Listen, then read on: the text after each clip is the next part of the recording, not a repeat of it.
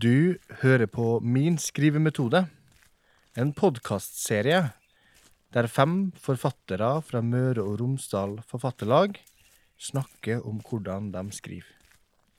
Nå Jon Roald Pettersen.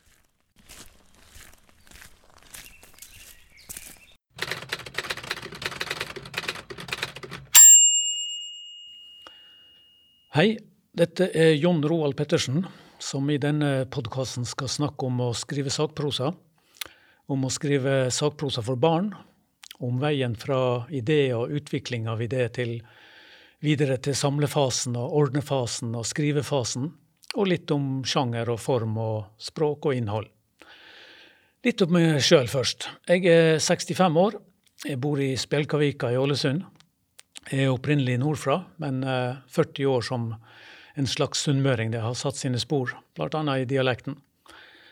Jeg er pedagog av utdanning, men har de siste 30 åra levd av å være frilansjournalist, forfatter, løsarbeider. Jeg ga ut min første bok i 1994. Det var i organisasjonshistorie, et oppdrag som jeg fikk fra daværende Møre og Romsdal Lærerlag. Å skrive deres historie. Siden har det kommet noen og tjue bøker ifra meg.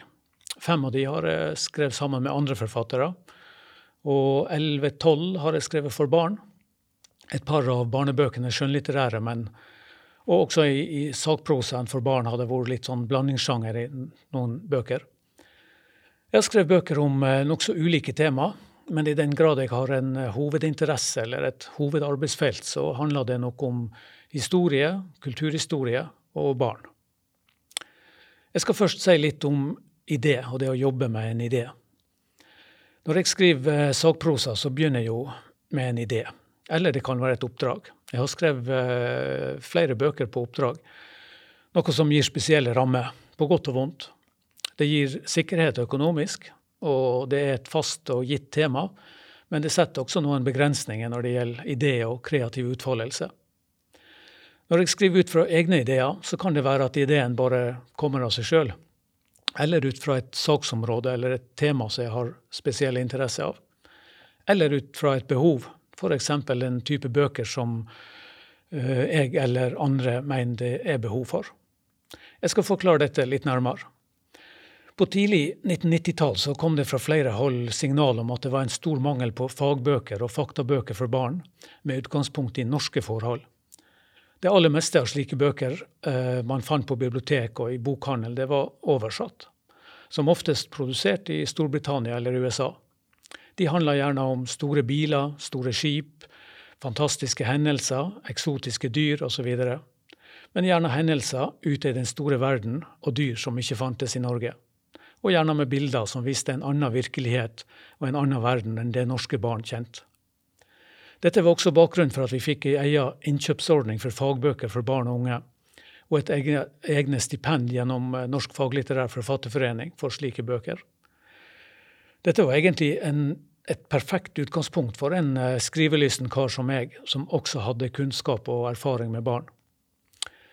Så jeg fikk en pangstart som forfatter, egentlig, med fem-seks fagbøker eller sakprosabøker for barn i løpet av ganske få år, der alle ble innkjøpt av Kulturrådet og økonomien ble bra. Når det seinere i karrieren har gått litt mer trått, for det vil det jo alltid gjøre i perioder, så tar jeg av og til fram et intervju med meg som sto i bladet til Faglitterær Forfatterforening rundt år 2000. Tittelen var Pioneren Pettersen med bakgrunn i mine bidrag til denne voksne sjangeren.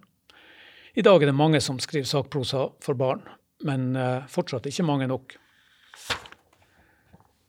Tilbake til idé.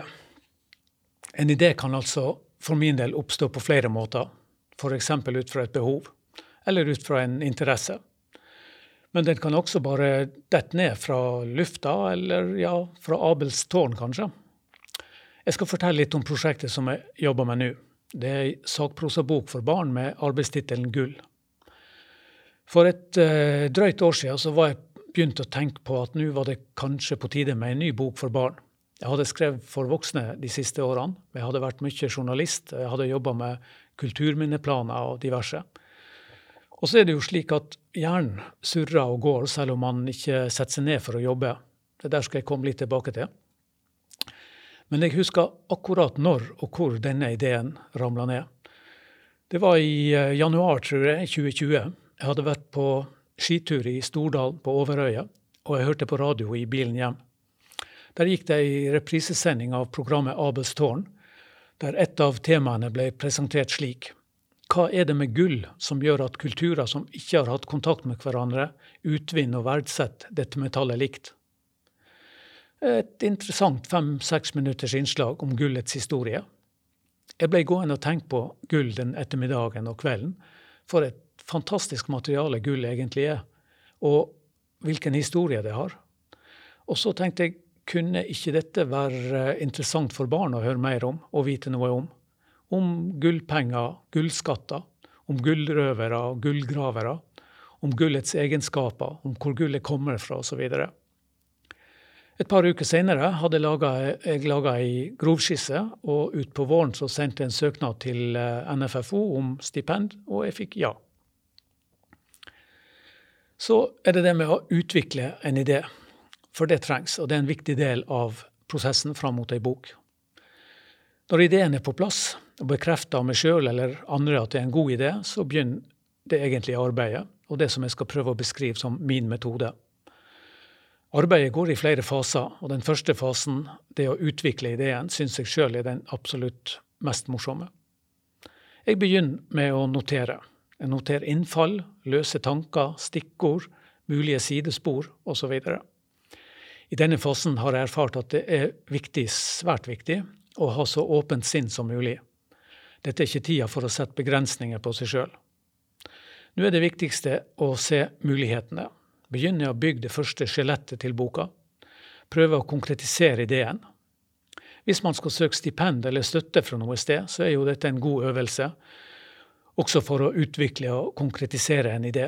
Hvordan ser ideen ut når den skal formuleres på ei side, eller kanskje bare på tre-fire linjer?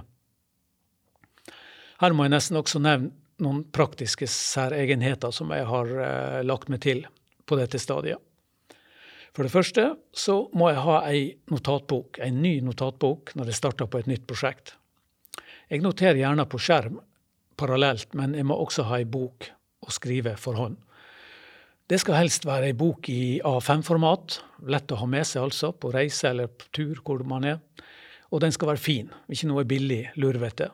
Jeg har en tendens til å kjøpe inn ei og anna fin notatbok når jeg kommer over noen, i tilfelle det skal dukke opp et nytt prosjekt så har jeg liggende noen på lager. Og til nåværende Gullprosjektet så ble det ei vakker notatbok fra Bookbinders Design. Dyp blå med ei optimistisk svart katt prega inn på forsida. Jeg bruker god tid på dette stadiet. Jeg har prosjektet i bakhodet uansett hva jeg driver med. Notatene kan komme ved skrivebordet, det kan komme på reise, på en tur i fjæra eller hvor som helst. Og det må vel nevnes, det går gjerne med mye kaffe og sjokolade i denne fasen.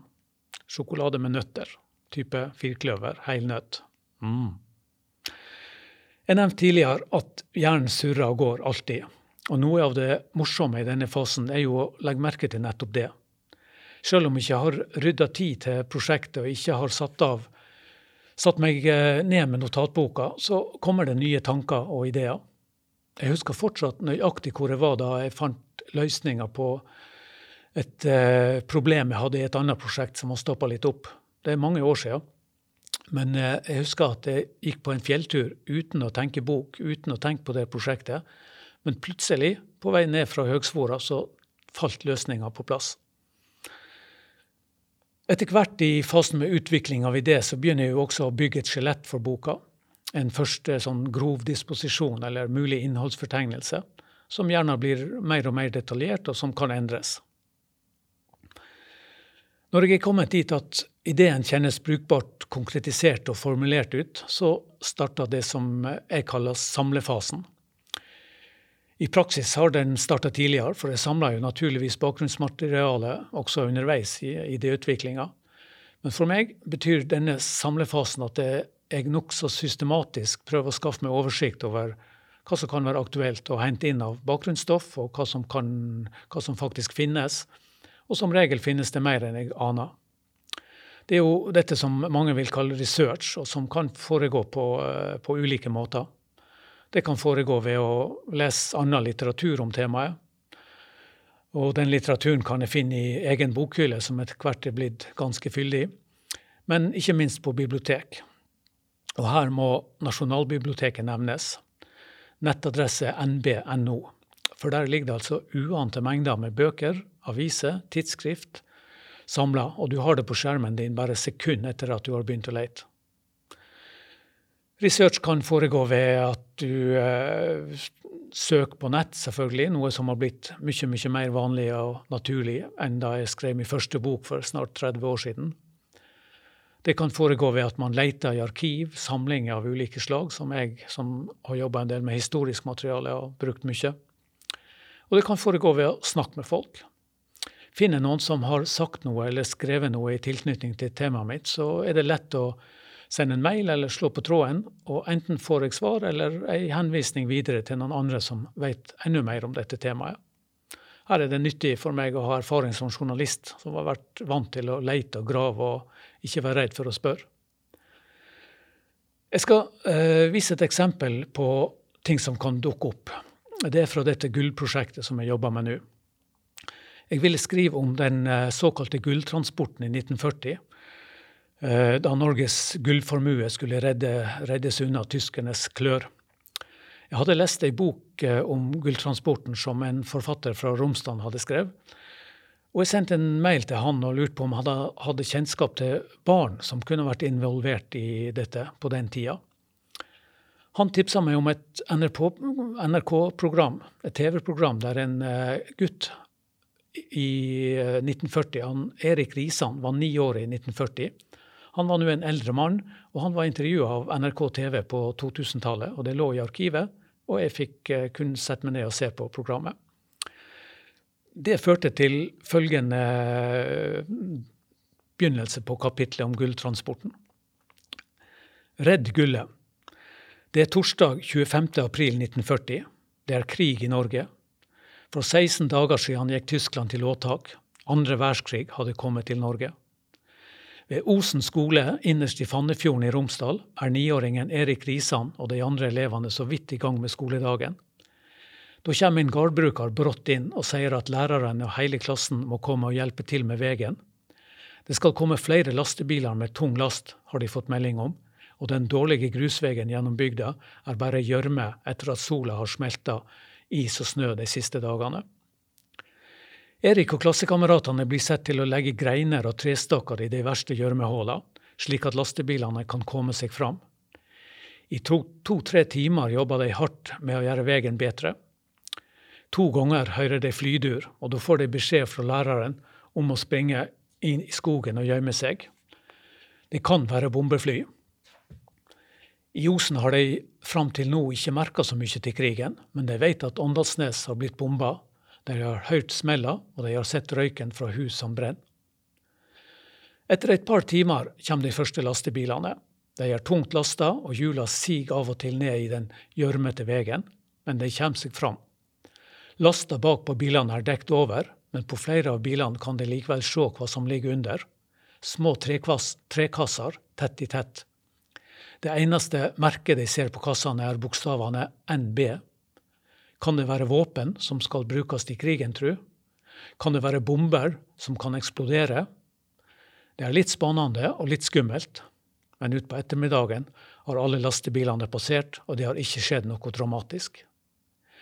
Det Erik og kameratene ikke visste, var at NB sto for Norges Bank, og at kassene som ble frakta gjennom bygda, inneholdt mer enn 40 000 kilo gull, hele Norges gullreserve. I samlefasen, som i idéfasen, så er det viktig å være åpen. Ikke sett for mange begrensninger. Utvelgelsen kommer senere. Og I denne fasen så går jeg ikke dypt inn i stoffet finner. Jeg bare registrerer og lagrer slik at jeg kan se nærmere på det senere. Samler man mye, så er det naturligvis en fare for at det kan bli for mye, og at man etter hvert må ikke ser den berømte skogen for bare trær. Men min erfaring er heller litt for mye enn for lite og det skal strykes og redigeres seinere uansett. Så litt om det som jeg, har, eh, jeg velger å kalle ordnefasen. For når jeg sitter med en broket samling av materiale. Bøker, nettlenker, tips, henvisninger, personkontakter osv. Så, videre. så er tida kommet for å få en viss orden på de. Med utgangspunkt i den foreløpige skissa eller skjelettet, så noterer jeg hva som kan være aktuelt å se grundigere på innenfor hvert delemne eller kapittel. Og her må jeg nesten nevne boksene og firkantene mine, som jeg innser er blitt en viktig del av det vi kan kalle min metode. Jeg har alltid hatt et behov for å ha oversikt, og i jobbsammenheng er jeg nok en eh, ganske strukturert og ryddig person. Det lærte jeg raskt da jeg, og helt nødvendig da jeg i sin tid som eh, trebarnsfar med nykjøpt hus og stram økonomi sa opp fast jobb og kasta meg ut i det usikre frilanslivet. Men altså, med fare for å bli oppfatta som en generelt firkanta person, så litt om firkantene mine. For meg blir det ryddig og oversiktlig hvis jeg har et stort, blankt ark. Det kan være på papir eller det kan være på skjerm. Et stort, blankt ark som sakte, men sikkert fylles opp av bokser eller firkanter med stikkord. Først i form av ulike, men beslekta ideer. Senere i form av kategorier eller deltema som etter hvert kan bli kapitler i det som skal bli boka. Enkeltelement i eh, boksene kan flyttes på, og boksene kan flyttes på.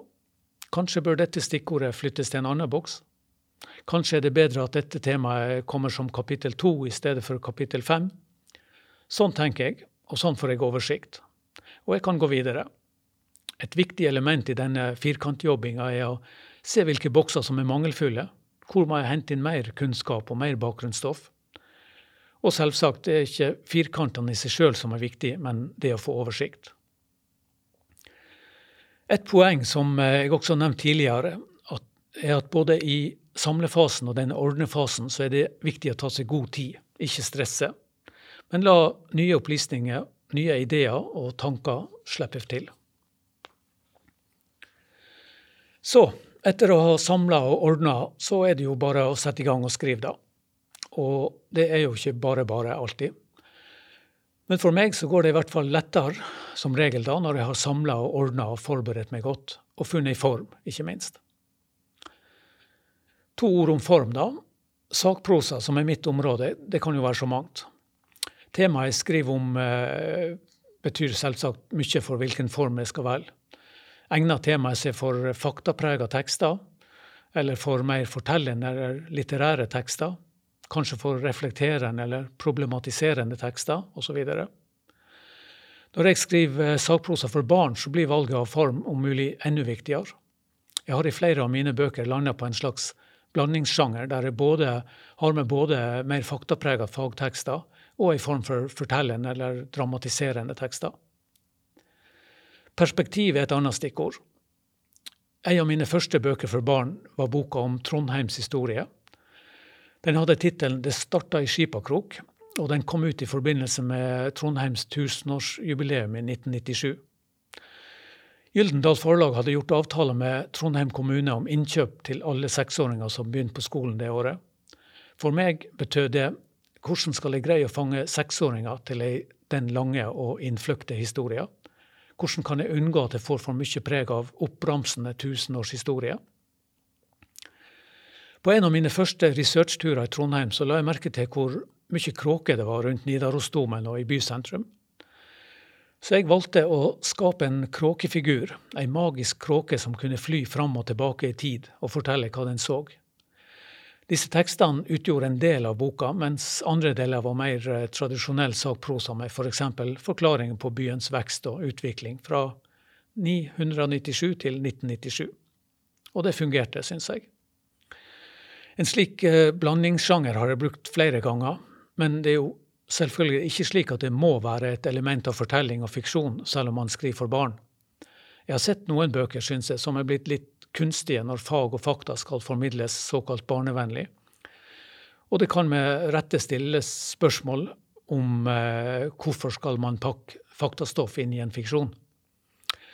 Forfatteren Eirik Newt, som også er astrofysiker, han sa i et foredrag en gang at eh, man må stole på at man kan formidle fag uten at det skal ses gjennom øynene på en koselig kanin.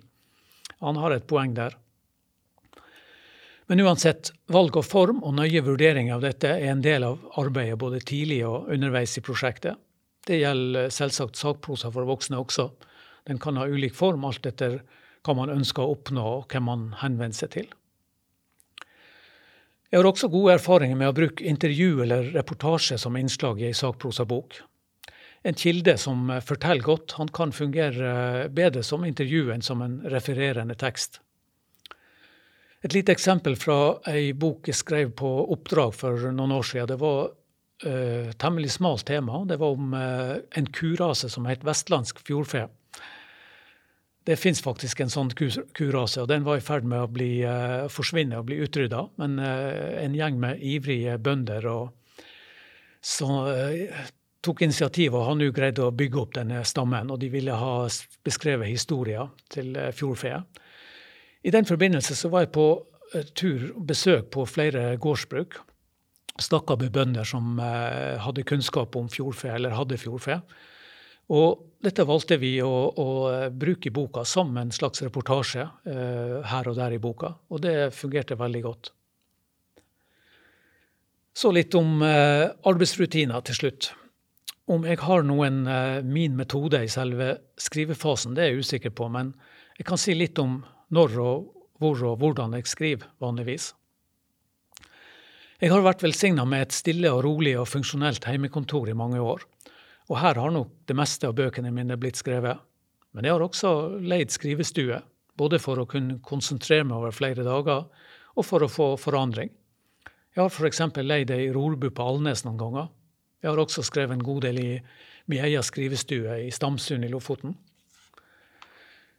Jeg skriver best tidlig på dag, når hodet er tomt og klart og uten for mange forstyrrende inntrykk eller påtrykk. Jeg er ingen morgenfugl, så jeg jobber best litt utpå formiddag.